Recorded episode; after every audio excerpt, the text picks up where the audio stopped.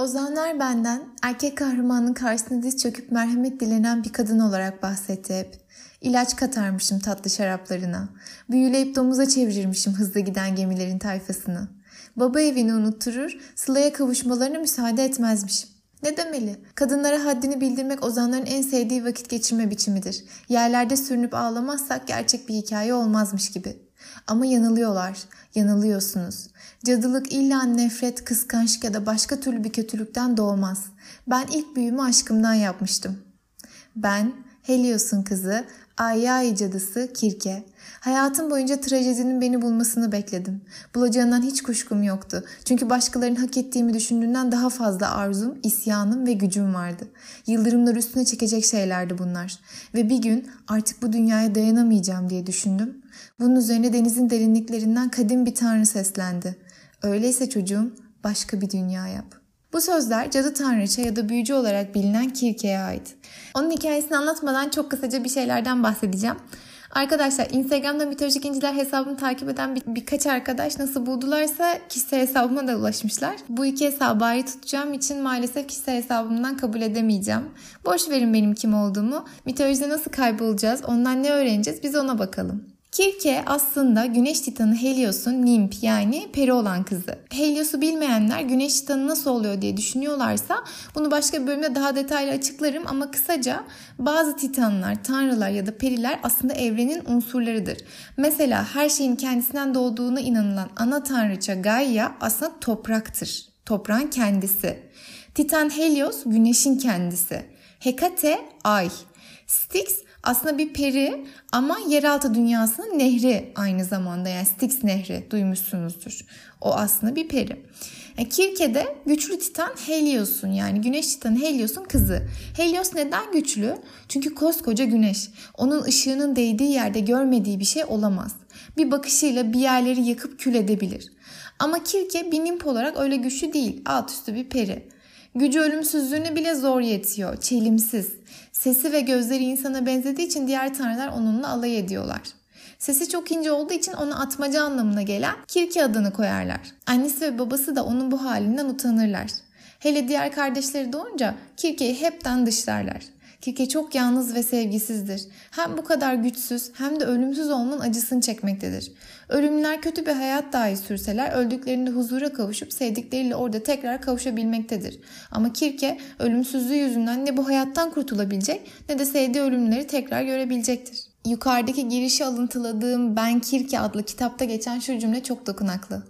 Birinin yokluğumdan bahsetmesini bekledim ama kimse bahsetmedi. Çünkü kimse yokluğumu fark etmemişti.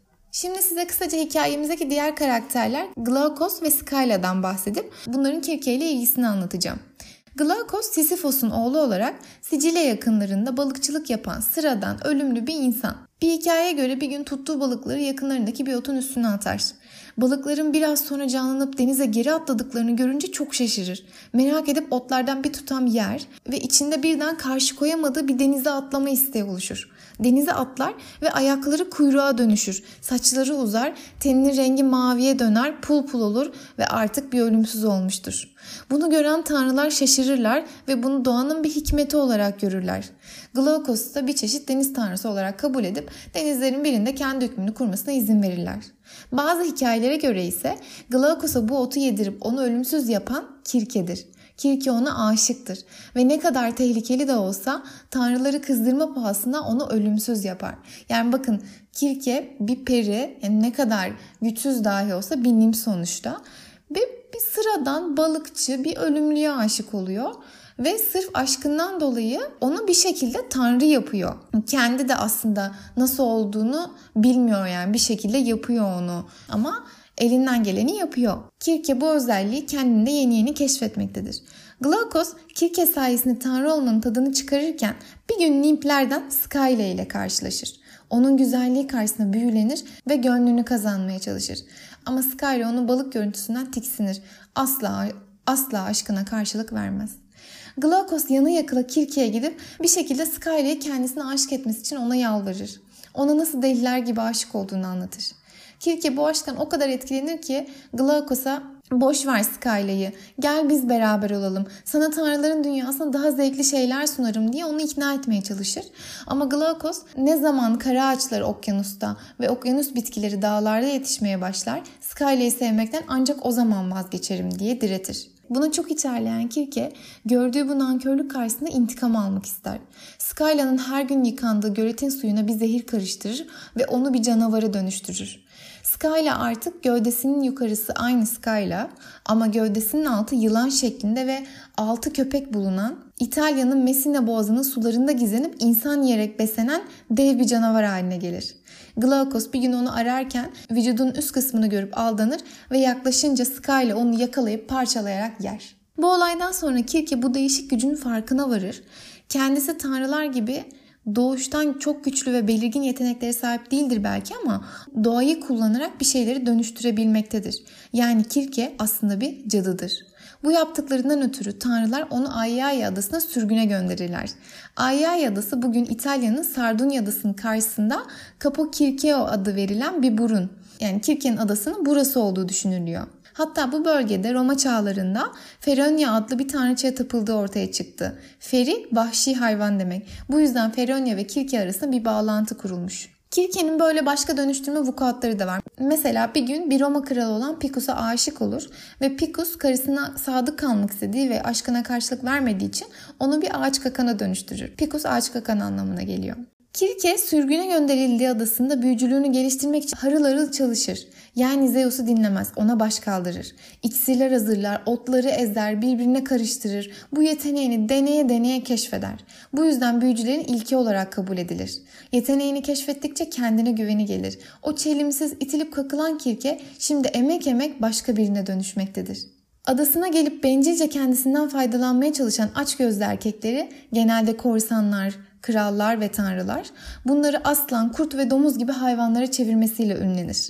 Önce onlara bir ziyafet masası ve şarap sunar, sonra da büyülü asasıyla omuzlarına dokunup onları hayvana dönüştürür. Odysseus'un adamlarının bu adaya gelip Kirke tarafından dönüştürülmelerini Sirenler bölümümüzde anlatmıştım. Hatırlarsanız Odysseus Hermes'in verdiği Moli adlı büyülü ot sayesinde Kirke'nin büyüsü altına girmemeyi başarmış ve ona kafa tutmasıyla Kirke'yi etkilemişti. Kirke onun çok zeki, güçlü ve yakışıklı olduğunu düşünüp ona aşık olur. Şimdi hikayenin başka bir detayını anlatayım size. Odysseus kendisinden adamlarını eski haline dönüştürmesini istediğinde Kirke emredersiniz sultanım der. Yalnız bakalım onlar tekrar insan olmak isteyecekler mi?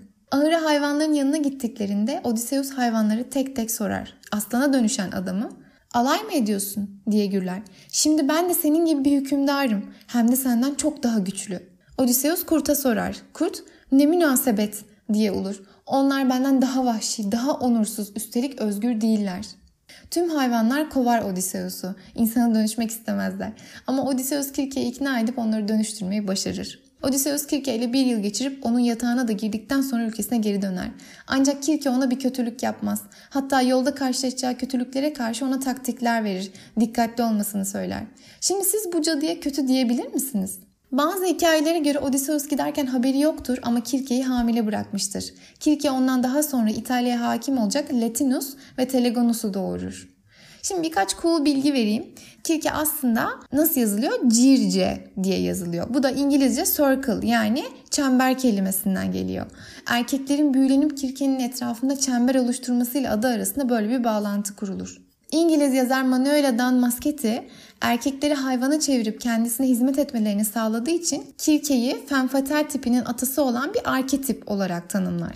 Femme anlamını bilmeyenler için Fransızca felakete neden olan kadın anlamına geliyor. İlişkiye girdiği erkeklerin başını belaya sokan çekici ve baştan çıkarıcı kadın femme Yani Türk filmlerinde genelde sarışın ya da kızıl saçlı olan, kötü kalpli, erkekleri baştan çıkarıp oyuna getiren karakterleri gözünüzün önüne getirin. Ha, işte onlar femme bir de Kohan diye bir artist Kirkes Touch yani Kirke'nin dokunuşu diye ilginç bir şarkı yapmış. Onu da Spotify'da bulabiliyorsunuz haberiniz olsun. Son olarak bölümün başında alıntı yaptığım Kirke'nin konuşması Washington Post, Amazon, Newsweek gibi daha birçok yabancı platformda 2018'in en iyi kitabı seçilen Ben Kirke kitabından. Yazarı Madeline Miller Yunan mitolojisi konusunda eğitim almış efsane bir kaynak. Bence Kirke femme olamayacak kadar iyi kalpli ve gerçek sevgiye aç. Beni en çok üzense dikkat ettiyseniz sadece kendisine ait onu sevecek birine hiçbir zaman sahip olamaması. Hadi ilk aşkı Glaukos önce kendisine aitti sonra pislik yaptı. Ama sonra Picus, Odysseus bunlar başkalarına ait adamlar. Yine de onlara aşık olmaktan kendini alamadı. Acaba küçükken kendi ailesi dahil herkes tarafından dışlandığı için derinde bir yerde kendini gerçek bir sevgiye, kendini ona adayacak bir adama layık görmüyor mu? Büyüyle alt edemediği Odysseus'tan etkilenmesi de bize aslında insanların ne kadar güçlü olurlarsa olsunlar kendisini alt edecek kişilerden hoşlandığını bir gönderme yapıyor. Sayesinde ölümsüz olduğu Kirke'ye ihanet edip bir de utanmadan ondan yardım isteyen Glaukos'a ne dersiniz? Yani bir erkeği tanrı dahi yapsan yaranamayabilirsin mesajını almamak işten değil. Bence sonu hak ettiği gibi oldu bu arada. Dikkat ettiniz mi? Glaukos'u Kirke tanrı yaptı ve ölümüne de Kirke sebep oldu. Yani aslında belki de birilerini biz tanrılaştırıyoruz, sonra biz öldürüyoruz. Odysseus'un hayvana dönüşen arkadaşlarının insan olmayı reddetmesiyle büyük gönderme var. İnsanlar hayvanlardan daha kötü, daha vahşi, onursuz yaratıklar. Ayrıca özgür olduklarını sanıyorlar ama değiller demişlerdi. Peki bizi görünmez bağlarla tutsak eden ne sizce? Ve en çok aklınızda kalmasını istediğim Kirke'nin dönüşümünü unutmayın. Ne zaman dibe vurmuş, özgüvensiz ya da dışlanmış hissederseniz Kirke gelsin aklınıza. Onun hiç ummadığı anda yeteneklerini nasıl keşfettiğini ve hayatın nasıl değiştiğini ve yeteneğini nasıl emek vererek oturttuğunu, onu ortaya çıkarmak adına tanrıların en güçlüsü Zeus'a bile kafa tuttuğunu hatırlayın. Belki de sizin de keşfedeceğiniz ve emek verdikçe parlayacak gizli bir hikayeniz var kim bilir. Onu Zeus'a kafa tutacak kadar arzuladığınızda keşfedebileceğiniz bir yetenek belki de. Size ihanet edecek Glaukos ve onun aşık olduğu Skyle sayesinde keşfedeceğiniz bir yetenek belki de. Düşünsenize.